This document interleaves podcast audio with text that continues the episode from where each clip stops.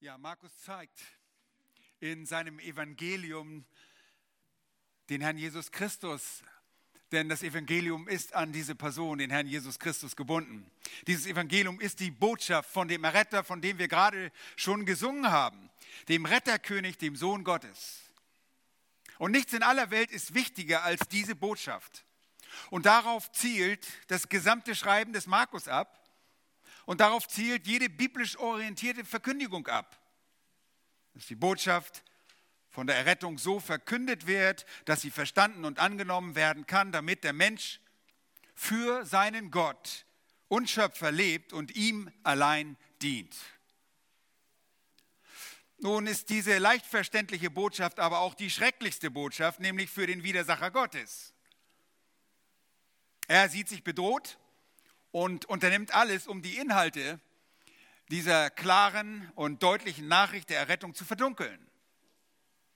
Die Verdunklung des Evangeliums, die Entkräftigung durch eingeführte Irrtümer, Lügen und Halbwahrheiten übernimmt der Erzfeind Gottes selbst. Die listigen Kunstgriffe und trügerischen Machenschaften des Teufels haben ihren Niederschlag in der Denkweise seiner Kinder gefunden.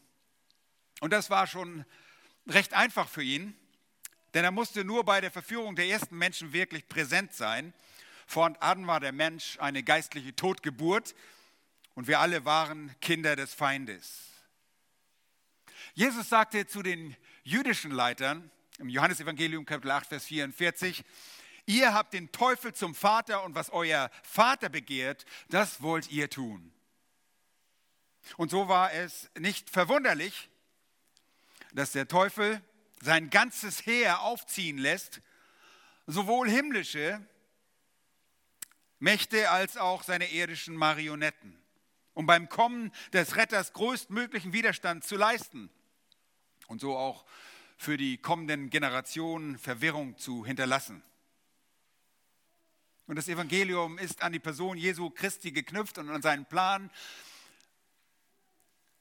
in seinem irdischen Leben ein perfektes, heiliges Leben zu führen, um eine Gerechtigkeit zu erwirken, die der Mensch nicht erwirken konnte. Er kam, um das Gesetz zu erfüllen und dann letztlich als der Gerechte zu sterben, stellvertretend für die Sünder, die an ihn glauben würden. Das ist das Evangelium. Und seit eh und je versucht der Satan, das zu verhindern.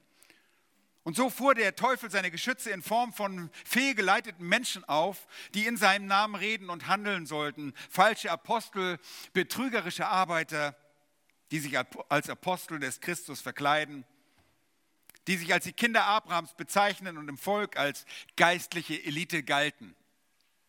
Nun, nicht nur Menschen, wir wissen auch, dass Dämonen auftraten in einem, mit einer besonderen Akti äh, Intensität während des Erdenlebens Erdenleben unseres Herrn Jesus Christus.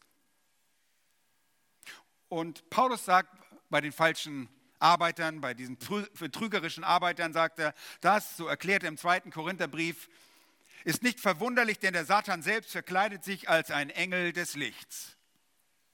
Nun, als geistliche Führer der Juden treten diese Feinde des Herrn die Feinde Gottes, in unserem Text von heute auf und erweisen sich als solche, die dem Evangelium feindlich gegenüberstehen. Und dazu wollen wir unseren Text aufschlagen in Markus Evangelium Kapitel 2, die Verse 23 bis 28. Matthäus Kapitel 2, die Verse 23 bis 28. Und da heißt es, und es begab sich, dass er, das ist Jesus, am Sabbat durch die Kornfelder ging und seine Jünger fingen an, auf dem Weg die Ähren abzustreifen. Da sprachen die Pharisäer zu ihm, sieh doch, warum tun sie am Sabbat, was nicht erlaubt ist? Und er sprach zu ihnen, habt ihr nie gelesen, was David tat, als er Mangel litt und er und seine Gefährten Hunger hatten?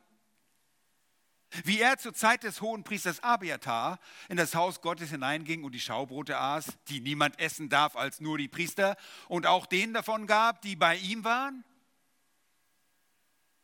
Vers 27.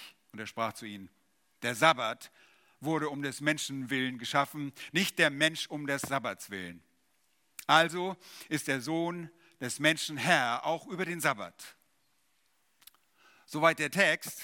In dem Text erkennen wir drei spezifische Wege, wie Jesus den Legalisten, das heißt gesetzlichen Menschen, begegnet. Drei sehr spezifische Wege, wie er diesen Legalisten begegnet. Und das erste ist, Jesus verteidigt die von den Legalisten angeklagten Jüngern. Die Pharisäer und Schriftgelehrten suchten immer wieder die vermeintlichen Versagen der Unschuldigen anzuprangern, damit sie selbst in einem besseren Lichte stehen würden. Sie achteten darauf, was die Nachfolger Jesu nicht tun würden. Und sie achteten darauf, was sie tun würden. Das haben wir gesehen, was sie nicht taten. Sie fasteten nicht. Markus hat das angeführt. Dieses Fasten der Jünger blieb aus. Und sie achteten darauf, was die Nachfolger Jesu verbotenerweise taten, so wie in diesem Text, nämlich am Sabbat. Mit ihren Handlungen folgten die Pharisäer dem Verkläger der Brüder. So wird Satan in Offenbarung Kapitel 12, Vers 10 genannt. Und genau das taten sie hier. Sie suchten regelrecht nach den Fehltritten der Anhänger Jesu, weil sie wussten, dass sie mit der Überführung der Jünger in der Lage wären, ihre eigentliche Bedrohung, den Lehrer der Jünger, Jesus, von Fehltritten zu überführen. Sie lauerten Jesus und seine Anhängerschaft regelrecht auf.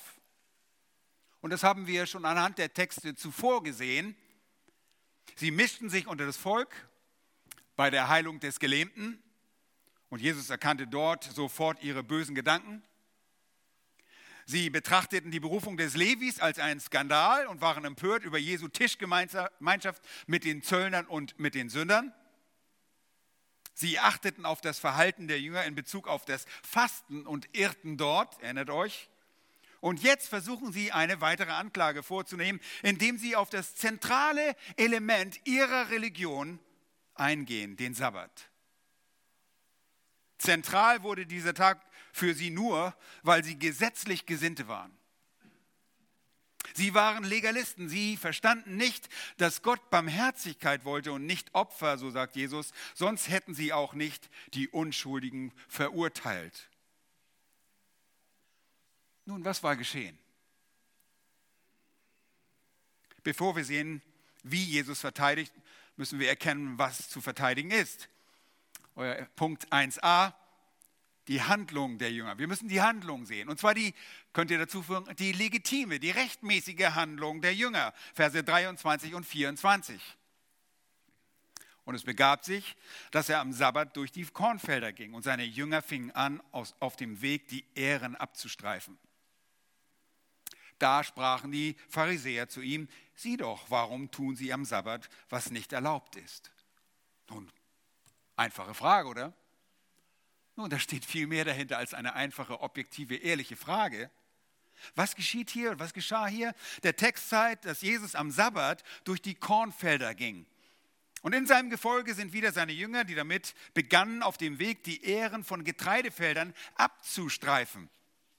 Jesus geht hier durch die angelegten Wege, der sehr häufig mitten durch die Kornfelder führenden Wege in den, in den Gegenden Galiläas. Aber warum vergreifen sich die Jünger an den Ehren dieser Felde? Sind sie landwirtschaftliche Terroristen, die mutwillig Getreidefelder zerstören wollen? Nein, natürlich nicht. Das ist nicht der Grund. Das Motiv dafür, dass die Jünger hier Ehren abstreifen, ist ihr Hunger. Das zeigt uns deutlich der Textzusammenhang und auch der die Paralleltexte, Matthäus schreibt darüber, er fügt hinzu und er war selbst dabei, denn er ist ein Jünger Jesu. Er sagt, seine Jünger aber waren hungrig und fingen an, Ehren abzustreifen und zu essen.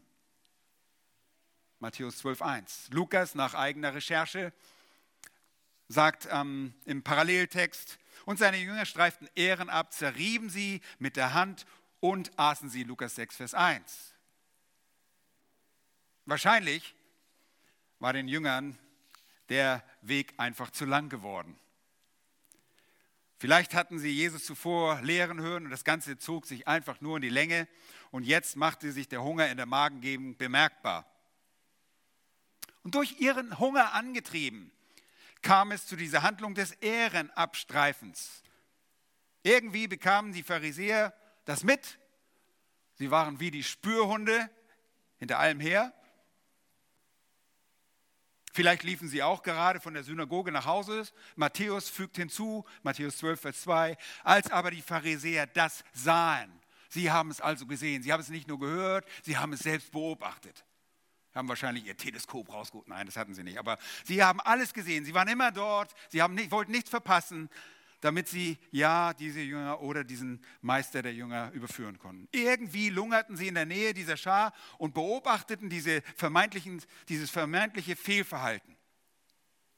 Sie sahen in dem Abstreifen der Ehren und dem darauffolgenden Trennvorgang der Frucht von den Hülsen, dem Zerreiben eine Arbeit, eine unerlaubte Sabbatarbeit.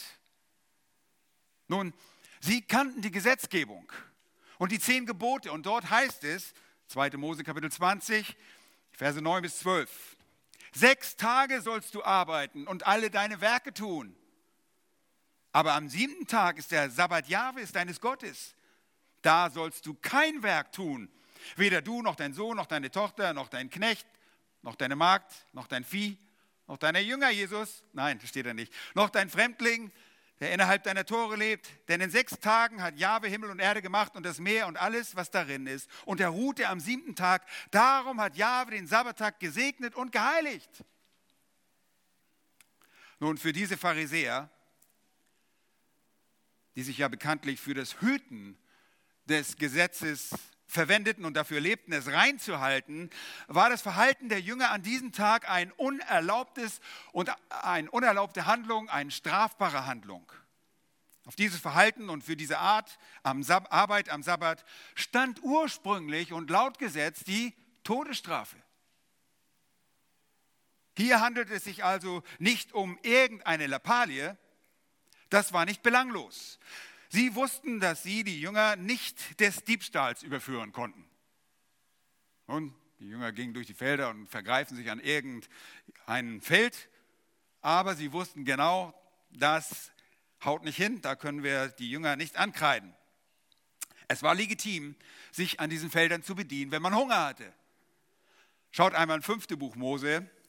Dort wird sehr deutlich aufgeführt in Kapitel 23, Ab Vers 25 heißt es dort, 5. Buch Mose, Kapitel 23, ab Vers 25, wenn du in den Weinberg deines Nächsten gehst, so darfst du Trauben essen, so viel du willst, bis du satt bist, aber du sollst nicht in dein Gefäß tun.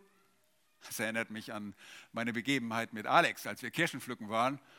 Wir haben kaum Kirschen ge gekauft, aber wir haben gegessen. Gut, dass wir hinterher nicht auf die Waage steigen mussten. Vers 26. Wenn du durch dein Getreide, das Getreidefeld deines Nächsten gehst, so darfst du mit der Hand Ehren abstreifen. Aber die Sichel sollst du nicht über das Getreidefeld deines Nächsten schwingen. Okay. Also kein Diebstahl. Sie hatten Hunger, sie bedienten sich, es war legitim nach dem Gesetz. Die Jünger hatten sich diesbezüglich nicht zu Schulden kommen lassen. Sie hatten nicht die Sichel geschwungen, die sie benutzten. Das übliche Erntewerkzeug der damaligen Zeit haben sie nicht eingesetzt, um die Ernte eines anderen einzufahren. Sie hatten nicht mal Sammelbehälter dabei, die es zu füllen galt. Sie aßen, um satt zu werden. Und das an sich war legitim, das war regelkonform, das war gesetzeskonform. Nicht so rechtmäßig war das wohl bei Oma Ingrid. Ich weiß nicht, ob ihr in diesen Tagen Nachrichten hört, aber Oma Ingrid macht zurzeit Schlagzahlen in den deutschen Nachrichten. Da sieht man, wie gut es dem deutschen Volk geht, wenn man sowas aus den Nachrichten macht. Sie hat wohl für 18 Euro irgendwo Lebensmittel geklaut. Und äh, News.de sagt es, in allen möglichen Nachrichten hört man ständig von Oma Ingrid, die geklaut hat. Und sie verteidigt sich immer wieder, ich hatte Hunger, ich hatte Hunger und deshalb habe ich geklaut. Aber sie hatte nicht nur, sagte der Staatsanwalt, sie hat ja nicht nur Lebensmittel geklaut, sie klaute auch einen Lippenstift. Ich weiß nicht, ob sie den essen wollte, aber äh, sie war eine Diebin und musste überführt werden. Das ist nicht rechtmäßig. Die Jünger haben sich absolut korrekt verhalten. Was die Pharisäer anprangerten, war nicht Diebstahl, sondern war das Verhalten an diesen Sabbat. Nun, ich sage euch gleich und von vornherein, sie verhielten sich auch vollkommen korrekt, was das Neue das Alte Testament anbetrifft. Der jüdische Tanach verbietet es nicht. Sie konnten in dieser Sache in keinster Weise eines Fehlverhaltens überführt werden.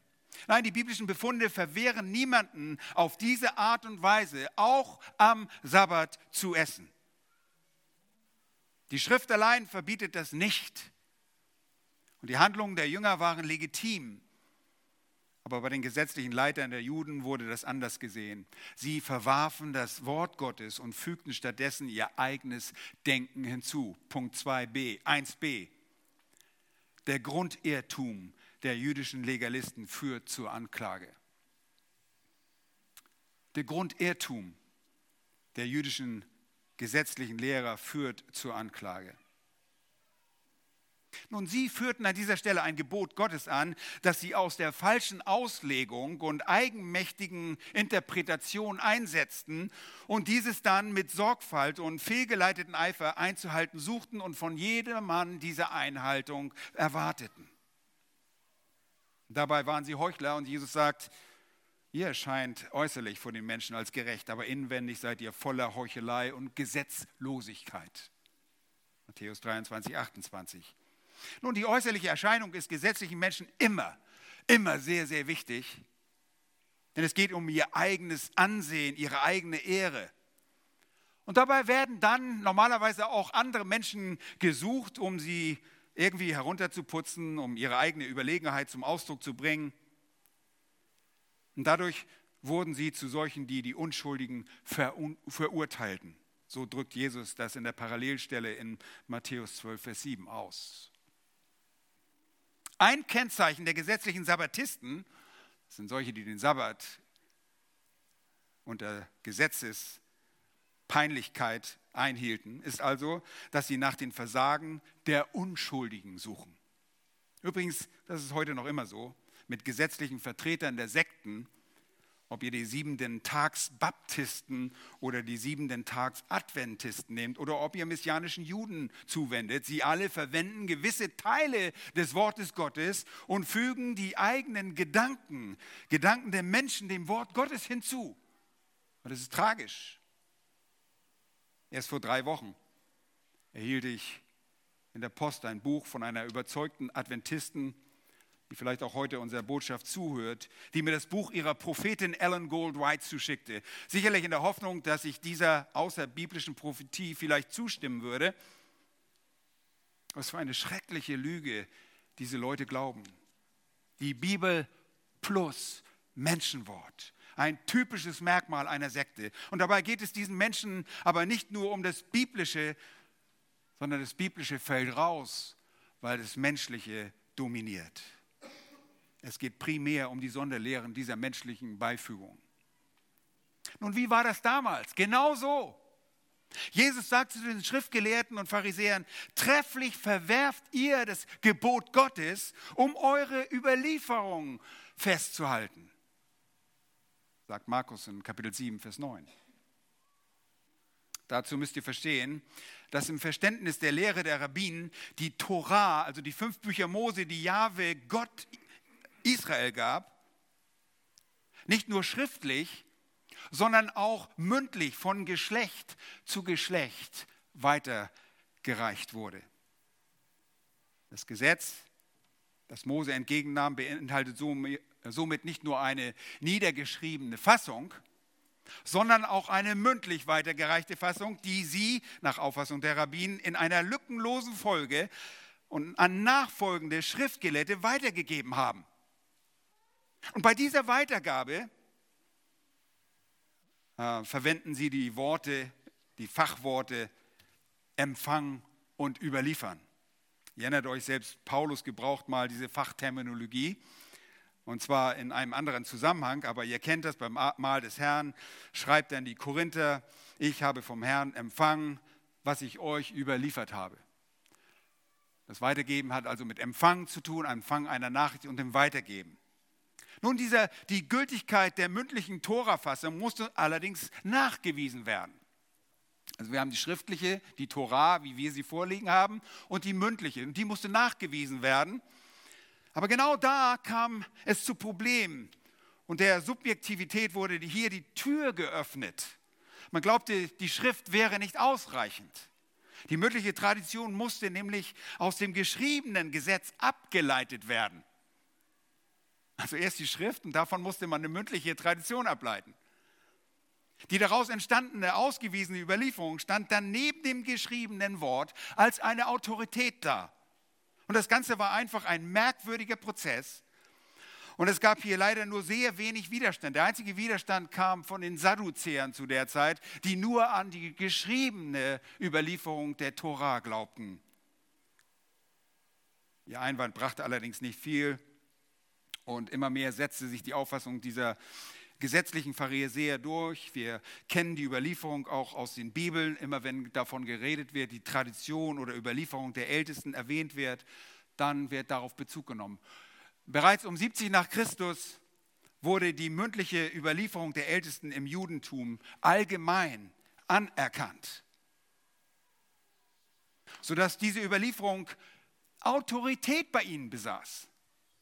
Wir sehen, dass die Juden schon früh im Prinzip das, äh, das, Prinzip, das Prinzip der Allgenugsamkeit, was die äh, Reformatoren ja als Sola Scriptura bezeichnen, verließen. Sie, sie lassen es einfach allein, sie, sie überließen es und sagten, das reicht nicht aus, wir brauchen mehr als nur die Schrift.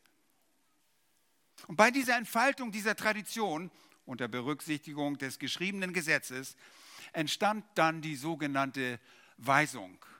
Die Halacha. Okay, die Halacha ist also die mündliche Überlieferung, die Weisung. Das äh, leitet man ab von dem hebräischen Verb von gehen, von wandeln. Die Halacha ist die mündliche Überlieferung, wie man wandeln sollte. Und diese Weisung wurde immer weiterentwickelt, immer mehr, immer mehr hinzugetan. Und zwar immer dann, wenn neue Fragen im Leben auftauchten, dann wurde die Halacha ergänzt. Schließlich, so sagte man sich, waren die Bestimmungen der Tora viel zu allgemein. Und man sah sich gezwungen, spezifische Anweisungen auf aktuelle Situationen geben zu müssen. Nun, ihr fragt euch, was hat das mit dem Sabbat zu tun? Nun, auch das Sabbatgebot war in diesem Prozess der Entwicklung, war von diesem Prozess betroffen. Das Sabbatgebot war den jüdischen Gelehrten viel zu allgemein. Und wenn ihr einfach die Bibel aufschlagt, den Tanach aufschlagt, dann liest, liest man da in 2. Mose 20, Vers 8, Gedenke an den Sabbattag und heilige ihn. Was ist das denn? Das müssen wir spezifisch machen. Was bedeutet das? Auch das Gebot der Heiligung, was damit einhergeht, das wollte man sehr spezifisch machen. Man musste festlegen, was an diesem Tag erlaubt war und was nicht erlaubt war. Die Anweisungen aus dem Tanach waren viel zu allgemein. Und dabei gelangte man dann letztlich zu einer langen, sehr langen Liste von Aufzählungen von Verboten für die Sabbatarbeit. Und ich zitiere dazu aus der Mishnah. Die Mishnah ist äh, letztlich die Kodifizierung dieser Halacha, dieser mündlichen Überlieferung. Die wurde dann auch schriftlich festgelegt. Äh, Jahre 200 nach Christus hatte man dann die Mishnah, dort hatte man das dann auch schriftlich. Und ich zitiere wie diese Hauptarbeiten von Kippenberg und Wevers in ihrem herausgegebenen Textbuch zur neutestamentlichen Zeitgeschichte in deutscher Sprache aufgeführt werden.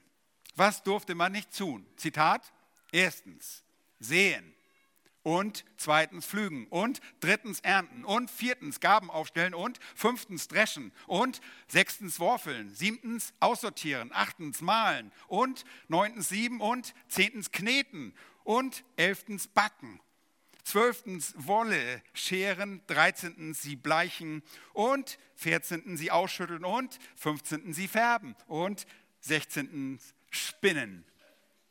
Also spinnen im Sinne von Webstuhl. Ja, die haben gesponnen, aber siebzehntens anbringen, also das Anbringen der Fäden an den Webstuhl. Achtzehntens zwei Maschen machen und 19. zwei Fäden weben und 20. zwei Fäden trennen. 21 verknoten und 22 ein Knoten lösen. Und 23 zwei Nähte nähen und 24 aufreißen, um zwei Nähte zu nähen. 25 eine Gazelle fangen. 26 sie schlachten und 27 sie abziehen. 28 sie salzen und 29 ihr Fell bearbeiten. Das ist gleich zu Ende, keine Angst. Und 30. es abschaben. Und es 31. zerschneiden. 32. Zwei Buchstaben schreiben und 33 abschaben, um zwei Buchstaben zu schreiben. 34 bauen und 35 niederreißen, 36 löschen und 37 anzünden. 38 mit dem Hammer schlagen, damit meinen Sie den letzten Hammerschlag, zum Beispiel beim Hausbau. Dann 39 von einem Gebiet in ein anderes Gebiet hinaustragen. Wenn ihr denkt, dass alles war, dann habt ihr euch getäuscht. 40 minus, 9, äh, minus 1 sind 39 Hauptarbeiten. Aber diese Hauptarbeiten waren viel zu allgemein. Das musste jetzt erstmal noch unterteilt werden. Zu jeder dieser Hauptarbeit gab es noch wieder eine Unterteilung. Diese Bestimmungen benötigten für die Rabbinen im Einzelnen noch genauere Ausführungen. Und so wurde zum Beispiel beim Löschen einer Lampe die Motive analysiert und die Ereignisse als Weisung festgelegt. Die Ergebnisse vielmehr.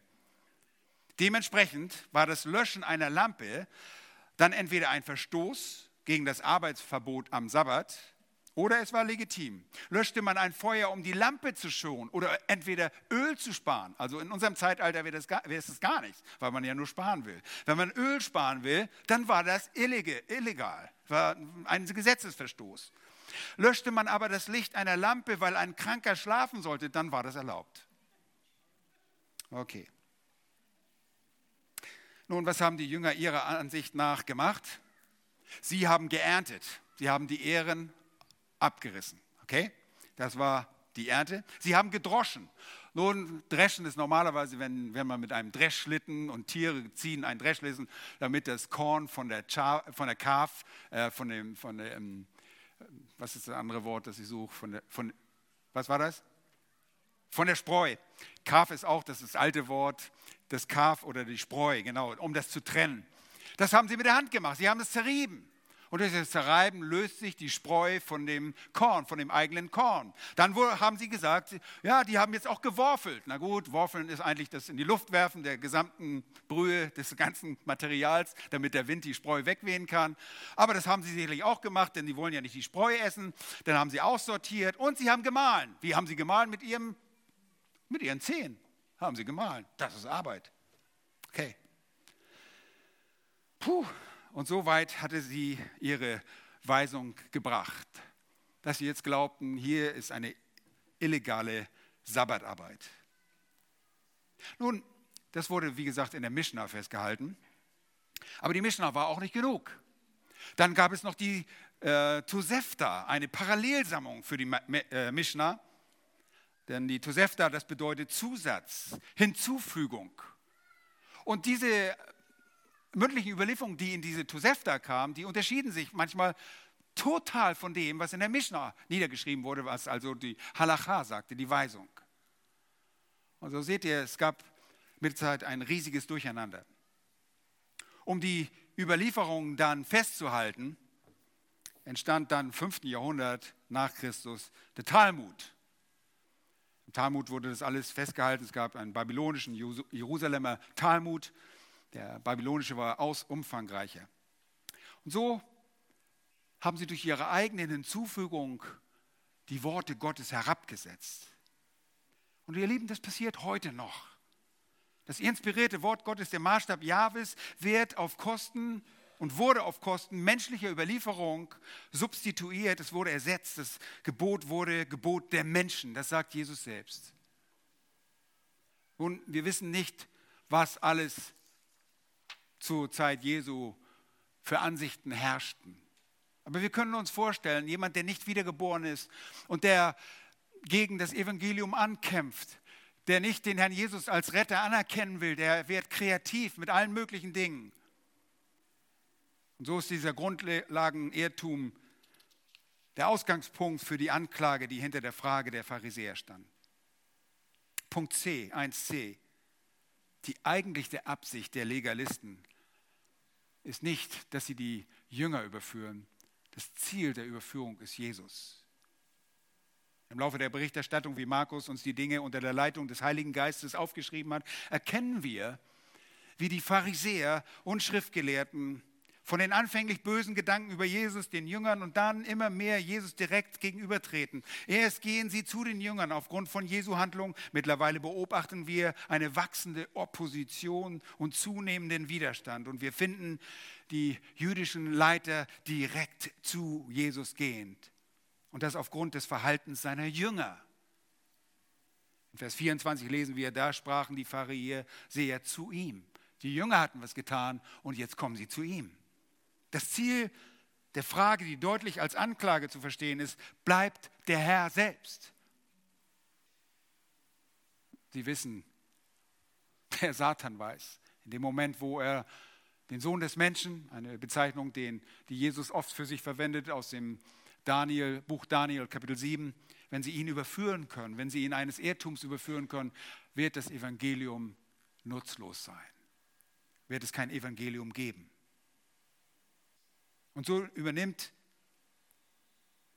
er, Jesus, die Verteidigung der Jünger, eigentlich seine Verteidigung, aber die Verteidigung seiner Jünger in den nächsten vier Versen. Und das ist der erste spezifische Weg, wie Jesus den Legalisten begegnet. Jesus verteidigt die von den Legalisten angeklagten Jüngern. Er verteidigt. Um den Pharisäern zu zeigen, was sie nicht verstanden, führt er ihnen jetzt in den folgenden Versen die bekannte Begebenheit ihres Königs und Vaters David vor Augen. Schaut mal in den Text. Jesus überführt die Ankläger durch geschicktes Anführung einer Begebenheit aus der Geschichte Israels. Verse 25 und 26.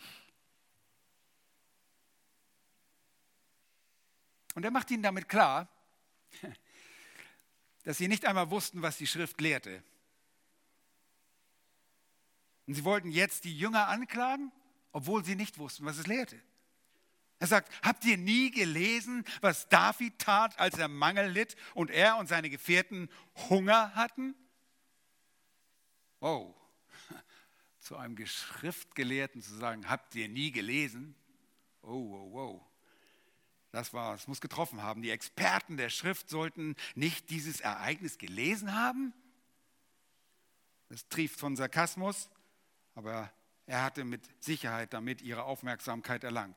Und er zeigte, wie unangemessen ihre Klage war. Und das erinnert ein bisschen an die Worte des Paulus an die Römer, als er schreibt, siehe, du nennst dich ein Juden und verlässt dich auf das Gesetz und rühmst dich des Gesetzes und kennst seinen Willen und verstehst zu prüfen, worauf es ankommt, weil du das aus dem Gesetz unterrichtet bist und du traust dir zu, ein Leiter der Blinden zu sein, ein Licht derer, die in der Finsternis sind, ein Erzieher der Unverständigen, ein Lehrer der Unmündigen, der den Inbegriff der Erkenntnis und der Wahrheit im Gesetz hat. Nun also, du lehrst andere, dich selbst aber lehrst du nicht. Du verkündigst, man solle nicht stehlen und stiehlst selber. Du sagst, man solle nicht Ehe brechen und brichst selbst die Ehe. Du verabscheust die Götzen und vergehst dabei Tempelraub. Du rühmst dich des Gesetzes und verehrst doch durch Übertretung des Gesetzes. Doch Gott durch Übertretung des Gesetzes. Denn der Name Gottes wird um euretwillen gelästert unter den Heiden, wie es geschrieben steht. Römer 2, Vers 17 bis 24. Punkt 2a. Jesus führt eine Begebenheit des bei den Juden hochgeachteten Davids an. Lieben, es war nicht nur Abraham, den sie verehrten, sondern auch David. Sehr geschickt, denn David stand extrem hoch im Kurs bei diesen Leitern. In Markus 10, übrigens eine Begebenheit während des Palmsonntags oder Palmmontags, ähm, Markus 11, Vers 10 heißt es, gepriesen sei das Reich unseres Vaters David. Wisst ihr, als die Volksmenge dem Herrn zugerufen hat, als er einzog nach Jerusalem. Nun, David stand, stand sehr hoch im Kurs. Und das spiegelt sich auch wieder im Talmud. Und ich lese euch aus dem Talmud vor, denn im Talmud schneidet David extrem gut ab. David wird in jeder Hinsicht verteidigt von den Rabbinen. Rabbi Schmuel, Nachmanis Sohn, sagte Rabbi Jonathan, habe gesagt, jeder, der sagt, David habe sich verfehlt, der irrt sich. nur, der ehrt nicht nur, denn es heißt, es geschah, dass David in allen seinen Wegen gerecht handelte und der Herr war mit ihm. Ist es denn möglich, dass Verfehlung an ihn kam und die Einwohnung doch mit ihm war? Die Einwohnung, das ist die Shikina, äh, die Einwohnung Gottes, die, dass Gott mit ihm war. Wie erhalte ich aber dann aufrecht? Warum hast du das Wort des Herrn verachtet, um Böses zu tun? Er wünschte es nämlich nur zu tun, tat es aber nicht. Oh, er tat nichts Böses? Raf sagte, Rabbi, der von David abstammt, wandte die Auslegung zugunsten Davids an. Warum hast du das Wort des Herrn verachtet, um Böses zu tun? Rabbi sagt, dieses Böse ist unterschieden von allem Bösen sonst in der Weisung, in der Halacha. Denn immer wenn Böses in der Weisung geschrieben steht, so steht dabei, da tat er. Hier aber steht geschrieben, um zu tun. Es ist schon sehr interessant.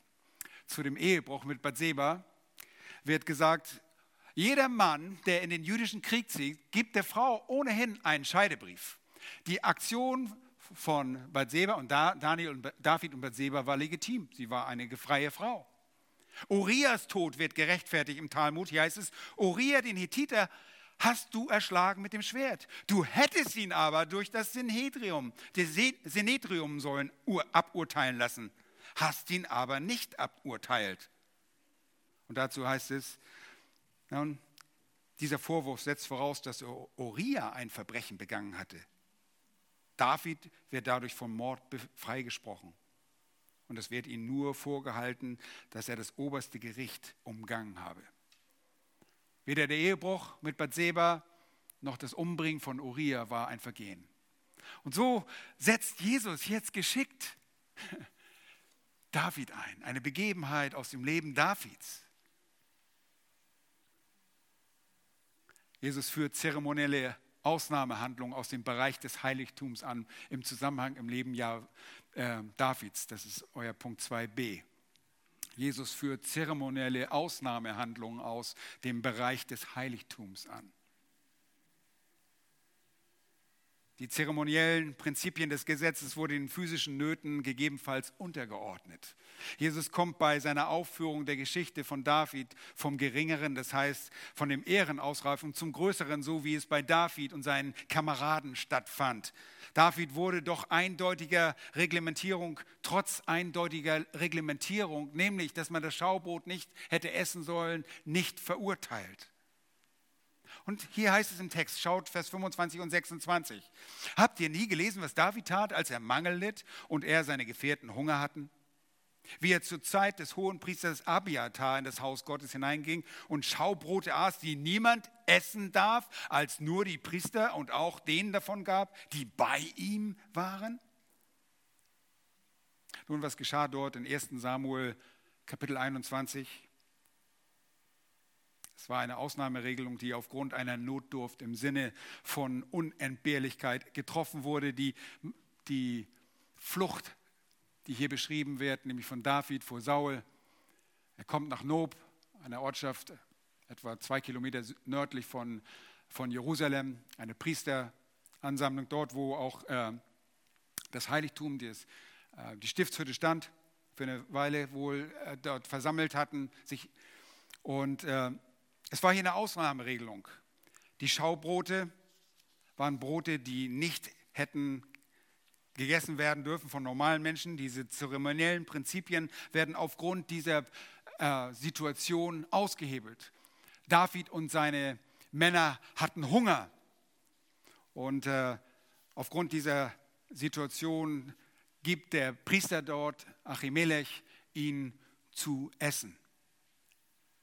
Jede Woche wurde ein neuer Stapel von zwölf Laib Brot auf einem Tisch an der Nordseite des Heiligtums niedergelegt. Und dieses Brot, das Luther übrigens Schaubrot bezeichnete, war das Brot der Gegenwart, der Gegenwart Jahwes. Es wurde als Nahrung für die Priester dort aufbewahrt, nicht für Gott selbst. Wir müssen Gott nicht füttern in heidnischen Religionen und Heiligtümern, in, in anderen Heiligtümern, in Götzentempeln wurden auch oft Nahrung für Götzen ausgelegt, aber nicht so bei Gott. Diese Brote waren nicht für Gott zum Essen. Gott, unser Gott hat keinen Hunger. nicht so in der Stiftshütte. In diesem Heiligtum sollte als Erinnerung dienen, dass die zwölf Stämme fortwährend unter der Aufsicht und der Fürsorge ihres Herrn ernährt und getragen wurden. Das Brot wurde an jedem Sabbat von den diensthabenden Priestern im Heiligtum gegessen und für sie allein war es bestimmt. Es war heiliges Brot, abgesondert für die Priester. Ein Priestern geweihtes Brot und sie allein sollten und durften davon essen. Das war gesetzlich geredet. Und jetzt kommt diese Situation, diese Notsituation. David ist unterwegs, er ist auf der Flucht und er kommt hungrig bei diesem Priester Achimelech zur Zeit des hohen Priesters Abiatars, der bekanntere hohe Priester. Und er, er geht dorthin und spricht mit ihm. Und er nimmt auch gleichzeitig das Schwert seines Ex-Feindes Goliaths mit. Und er wird versorgt. Und er wird nicht verurteilt. Und Jesus führt dieses Ereignis an. Und er sagt, meine Jünger können keine Ehren ausraufen, weil sie Hunger haben, obwohl es rechtmäßig ist nach der Schrift. Hier ist etwas noch viel Größeres. David kommt mit seinen Männern in das Heiligtum und bekommt Brote, die eigentlich nur für die geheiligten, geweihten Priester bestimmt waren. Nun, hier ordnet sich die Zeremonie, der zeremonielle Aspekt eines Gesetzes, einer Notdurft unter, um Leben zu retten, um Leben zu erhalten. Das Dritte ist, dass Jesus seine Gottheit offenbart durch den Hinweis auf die Gesetzgebung, Verse 27 und 28. Er zeigt den Zweck, erstens den Zweck des Sabbatgebotes 3a und 3b. Als Gesetzgeber steht er souverän über den Sabbat. Er selbst hatte den Sabbat geschaffen. Und über den Sabbat ist er größer. Er ist deshalb größer als der Sabbat. Da heißt es, und am Gott hatte am siebten Tag sein Werk vollendet. Erinnert ihr euch, dass er gemacht hatte und er ruhte am siebten Tag von seinem ganzen Werk, den das er gemacht hatte. Wer? Jahwe Gott. Wer ist Jahwe Gott? Jahwe Gott ist Gott der Vater, Gott ist der Sohn und der Heilige Geist. Jesus ist derjenige, der den Sabbat eingesetzt hat, der ihn gemacht hat.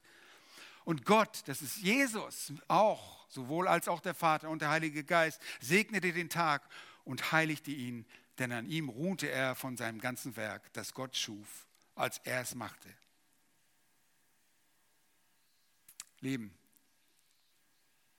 Jesus ist absolut souverän über seine Schöpfung, über seine ganze Schöpfung, einschließlich des Sabbats.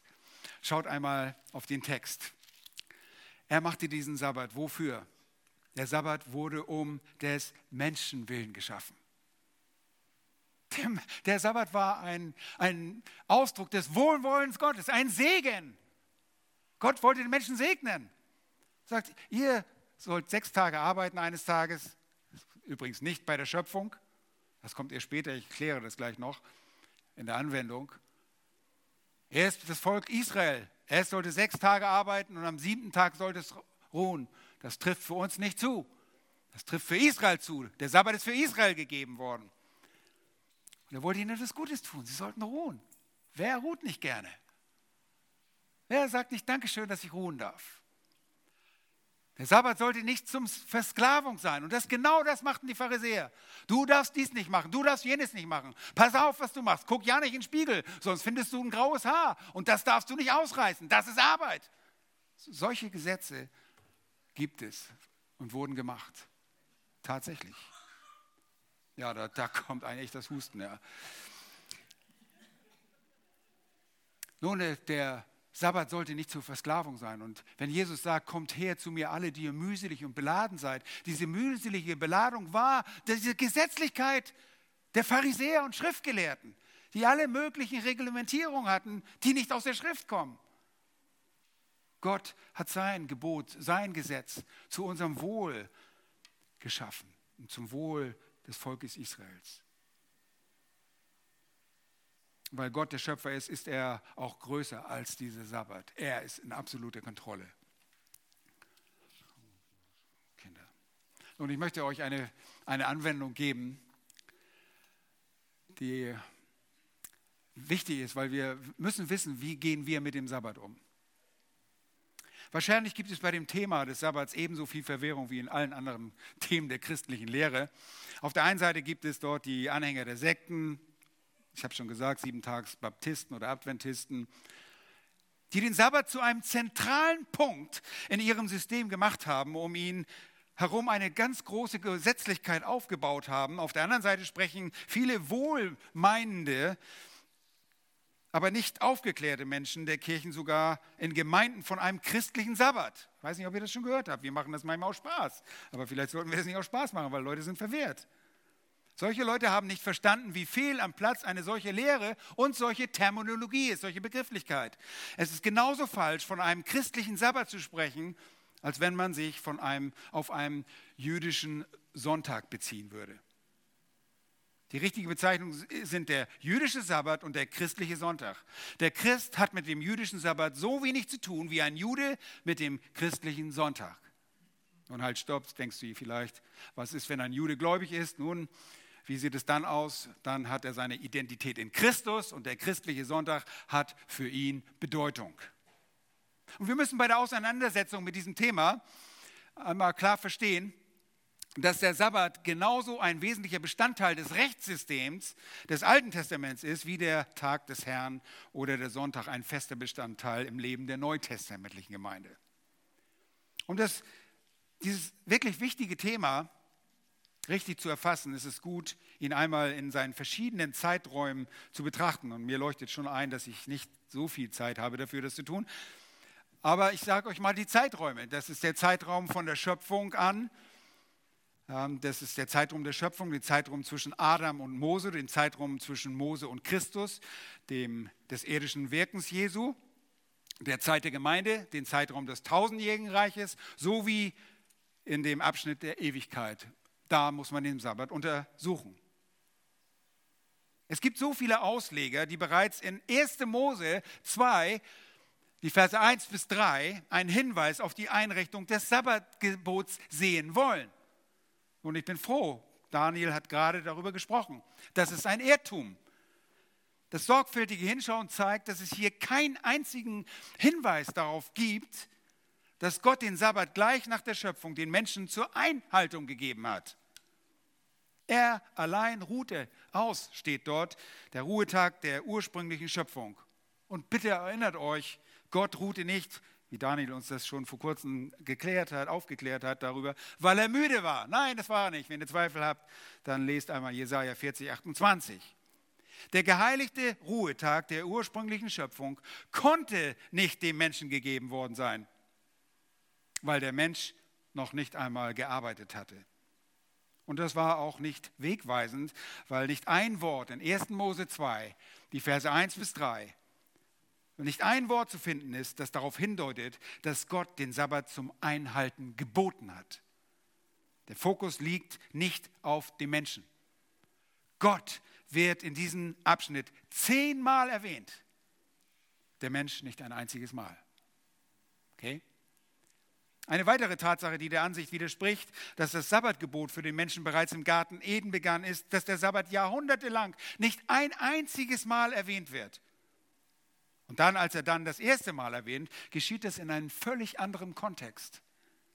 Nirgendwo in der Zeit zwischen Adam und Mose, einer Zeitspanne von wirklich mehreren hunderten Jahren, von Jahrhunderten, gibt es einen einzigen Befehl bezüglich der Einhaltung oder Heiligung des Sabbats. Nun, wenn der Sabbat wirklich existierte, dann ist es wirklich absolut höchst seltsam, dass obwohl wir Berichte über das geistige Leben und die Anbetung der Patriarchen finden, in denen es speziell um die Beschneidung, die Opfer, das Geben des Zehnten, die Ehe und so weiter geht, dass wir nicht nichts, aber absolut nichts über den Sabbat finden. Es gab ihn nicht, denn Mose sagt später zum Volk, in 5. Mose Kapitel 5, höre Israel, die Satzung und Rechtsbestimmung, die ich heute vor euren Augen, Ohren rede, lernt und bewahrt sie, um sie zu tun. Jahwe, unser Gott, hat am Horeb einen Bund mit uns geschlossen. Nicht mit unseren Vätern hat er diesen Bund geschlossen, sondern mit uns, die wir heute hier alle am Leben sind. Ihr Lieben, solche klare Aussage klärt die Sabbatfrage ein für alle Mal. Nun, Legalisten glauben, weil sie den Sabbat finden, bereits in 2. Mose 16, das ist vor dem Sinai, vor der Gesetzgebung, dass sie ein, darin einen Hinweis sehen, dass er von Adam bis Mose bereits in Kraft getreten war.